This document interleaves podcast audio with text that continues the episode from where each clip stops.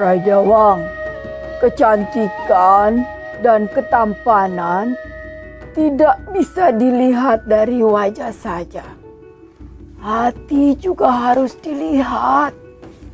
Nasihat Jinja. Namun Raja Wang tidak peduli. Ia senang karena tamu-tamunya dari kerajaan lain memuji kecantikan dan ketampanan para pekerja istana. Kamu peduli dengan kesehatan mental?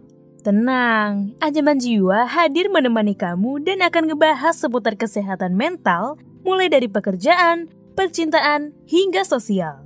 Yuk dengerin podcast Anjaman Jiwa, persembahan Sonora KG Radio Network by KG Media. Hanya di Spotify.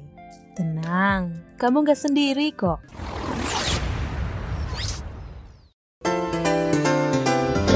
Dongeng pilihan orang tua. Bobo yang selalu riang gembira. Mengajak kita semua. Tamasya ke alam penuh warna. La la la la la la la Bobo teman bermain dan belajar. Bebo bebo bobo. Halo, ketemu lagi dengan Kak Lucy. Lucy akan membawakan sebuah dongeng dari Korea yang ada di majalah Bobo. Judulnya apa? Penasehat yang baik. Kita dengarkan dongengnya bersama-sama ya.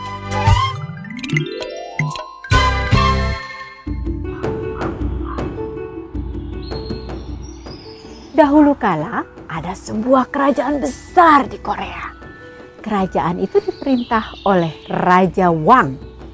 Ia mempunyai seorang penasehat tua yang bijak bernama Jinja. Bertahun-tahun rakyat kerajaan itu hidup makmur karena Raja Wang selalu mengikuti nasihat Jinja. Kerajaan itu menjadi terkenal dan sering dikunjungi raja dan bangsawan dari kerajaan lain. Karena banyaknya tamu yang datang, Raja Wang mendapat ide. Ia mengadakan kontes kecantikan dan ketampanan. Para pemenangnya boleh bekerja di istana sebagai pelayan, prajurit, menteri, bahkan penasihatku, kata Raja Wang.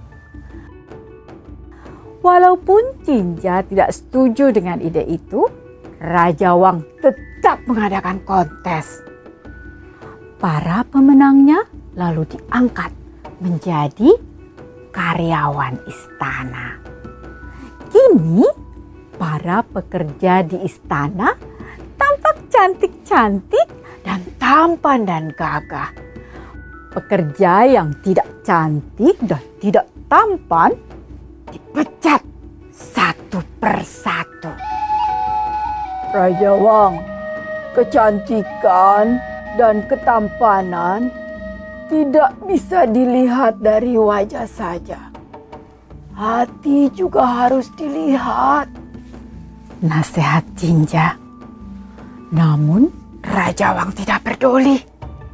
Ia senang karena tamu-tamunya dari kerajaan lain memuji kecantikan dan ketampanan para pekerja istana. Karena kecewa pada Raja Wang, Jinja diam-diam meninggalkan istana. Ia pergi ke kuil Showon di pegunungan dan berdoa untuk kebaikan kerajaan itu. Siang dan malam Jinja terus berdoa di kuil itu.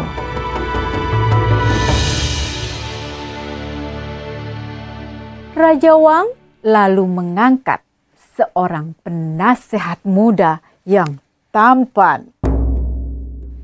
Namun, penasehat itu ternyata tidak bisa memberikan nasihat-nasihat yang bijak.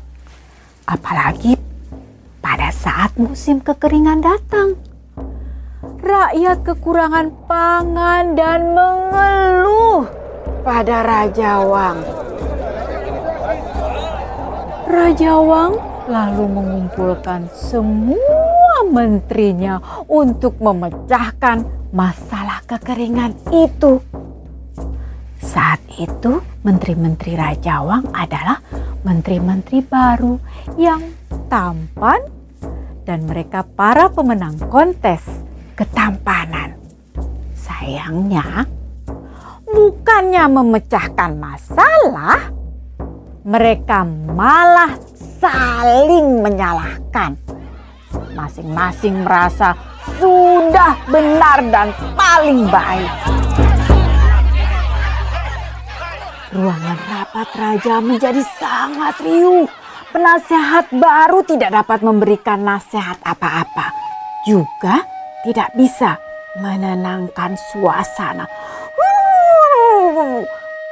Pada saat itu, Raja Wang baru teringat kembali pada Jinja.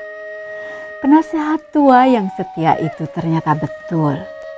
Kecantikan dan ketampanan tidak bisa dilihat hanya dari wajah. Raja Wang menjadi rindu akan nasihat-nasihat bijak Jinja.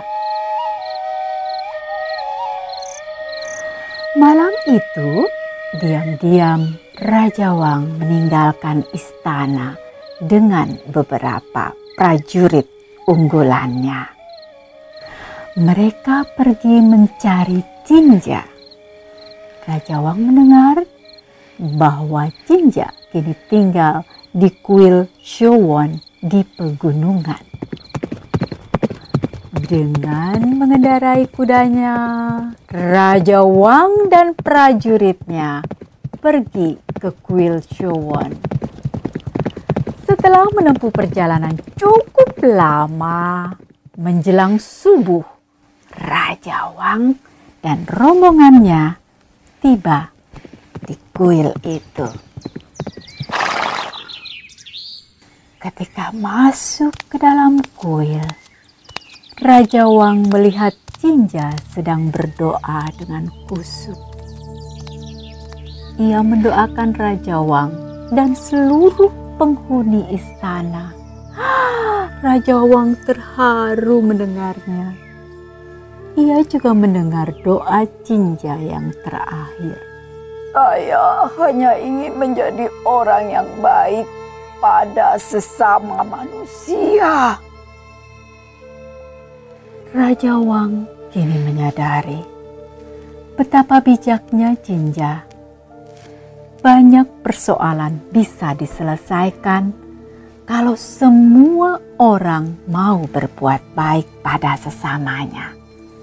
Mau saling tolong-menolong.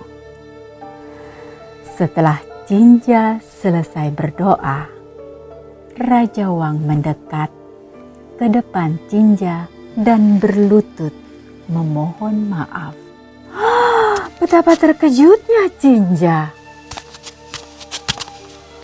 Aja tidak patut seorang raja berlutut di depan penasihatnya. Kata Jinja sambil mengangkat Raja Wang untuk berdiri.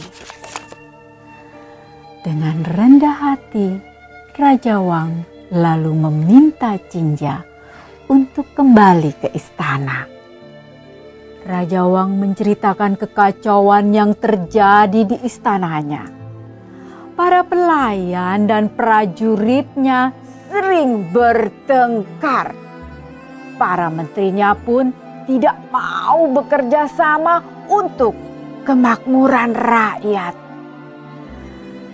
Jinja akhirnya bersedia untuk kembali Raja Wang lalu memerintahkan para prajuritnya mengangkat Jinja dengan tandu.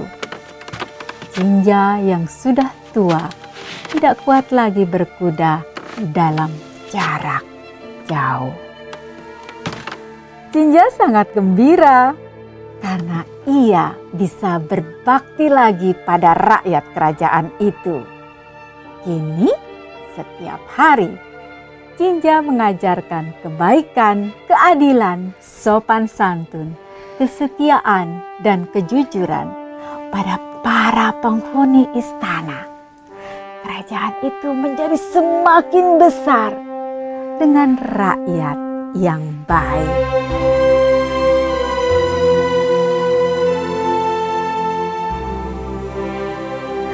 Nah, begitu dongeng untuk kali ini. Apa ya pesannya?